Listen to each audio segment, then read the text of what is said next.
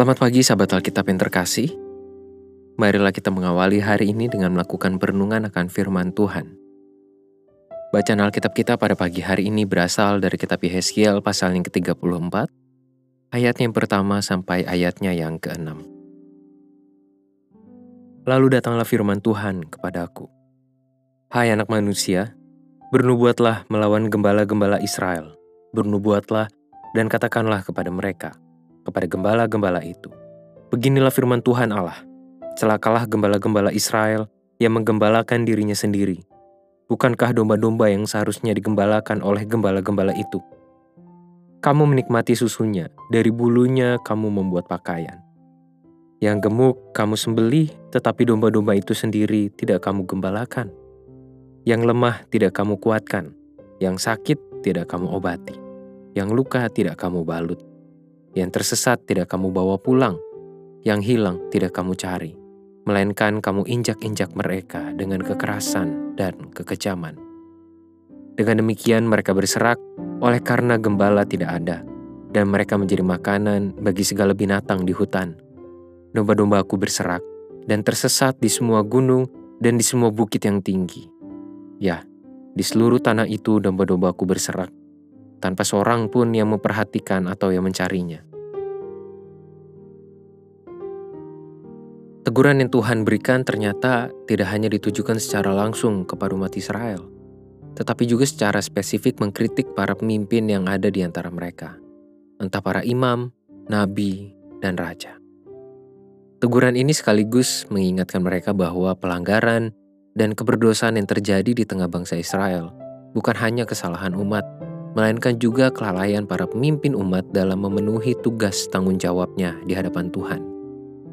Teguran yang Yehezkiel sampaikan ini pun akan semakin masuk akal ketika kita melakukan kilas balik terhadap catatan sejarah raja-raja Israel Yehuda yang menampilkan pengaruh langsung antara perilaku raja dengan kualitas iman umat Israel. Kemudian, ada juga catatan mengenai perilaku imam dan nabi yang telah kehilangan integritas sebagai pelayan Tuhan dan pelayan umat. Mereka semua tidak lagi peduli akan efektivitas dan dampak perannya terhadap pertumbuhan kualitas iman seluruh bangsa, melainkan mereka hanya memperhatikan kepentingannya masing-masing.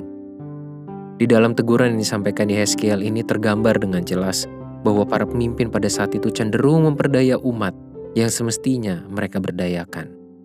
Nampaknya di hadapan para pemimpin tersebut, setiap umat hanyalah komoditas yang berguna untuk memenuhi kebutuhan dan keinginannya secara pribadi. Mereka tidak lagi menganggap umat sebagai individu-individu yang perlu didampingi untuk mengalami pertumbuhan iman dan membangun kehidupan yang berkualitas di dalam Tuhan. Para pemimpin di Israel pun telah kehilangan keprihatinan, kepedulian, perhatian, dan kesediaan untuk melayani. Sahabat Alkitab, firman Tuhan hari ini telah cukup menunjukkan bahwa bertanggung jawab merupakan salah satu indikator kualitas iman yang perlu kita bangun di dalam Tuhan. Kita perlu mawas diri agar tidak terjebak pada kesombongan akibat status atau jabatan yang kita miliki saat ini ataupun di masa mendatang.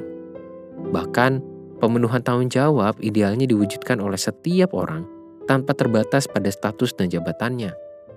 Di dalam kerangka hidup beriman, pemenuhan tanggung jawab dapat menjadi media bagi tersalurnya berkat-berkat Tuhan bagi setiap pihak yang terlibat di sekitar kita. Itulah mengapa Tuhan memberikan teguran yang keras kepada para pemimpin Israel karena kelalaian mereka dalam memenuhi tanggung jawabnya terhadap kehidupan umat Israel telah mengakibatkan hancurnya hidup seluruh bangsa. Jadi, apakah Anda siap memenuhi segala tanggung jawab sesuai dengan peran yang Anda miliki saat ini? Mari kita berdoa. Tuhan, tolonglah kami untuk mampu memenuhi tanggung jawab dalam segala peran yang saat ini kami miliki. Biarlah kami dapat melakukannya dalam ketulusan dan dengan keyakinan bahwa kami menjalaninya untuk hormat dan kemuliaan nama Tuhan dan Tuhan menyertai kami. Sehingga biarlah dalam segala pemenuhan tanggung jawab kami, nama Tuhan semakin dipermuliakan. Berkat Tuhan semakin tersalurkan dan banyak orang boleh melihat terang kuasa Tuhan. Hanya di dalam nama Tuhan kami Yesus Kristus kami berdoa dan mohon. Amin.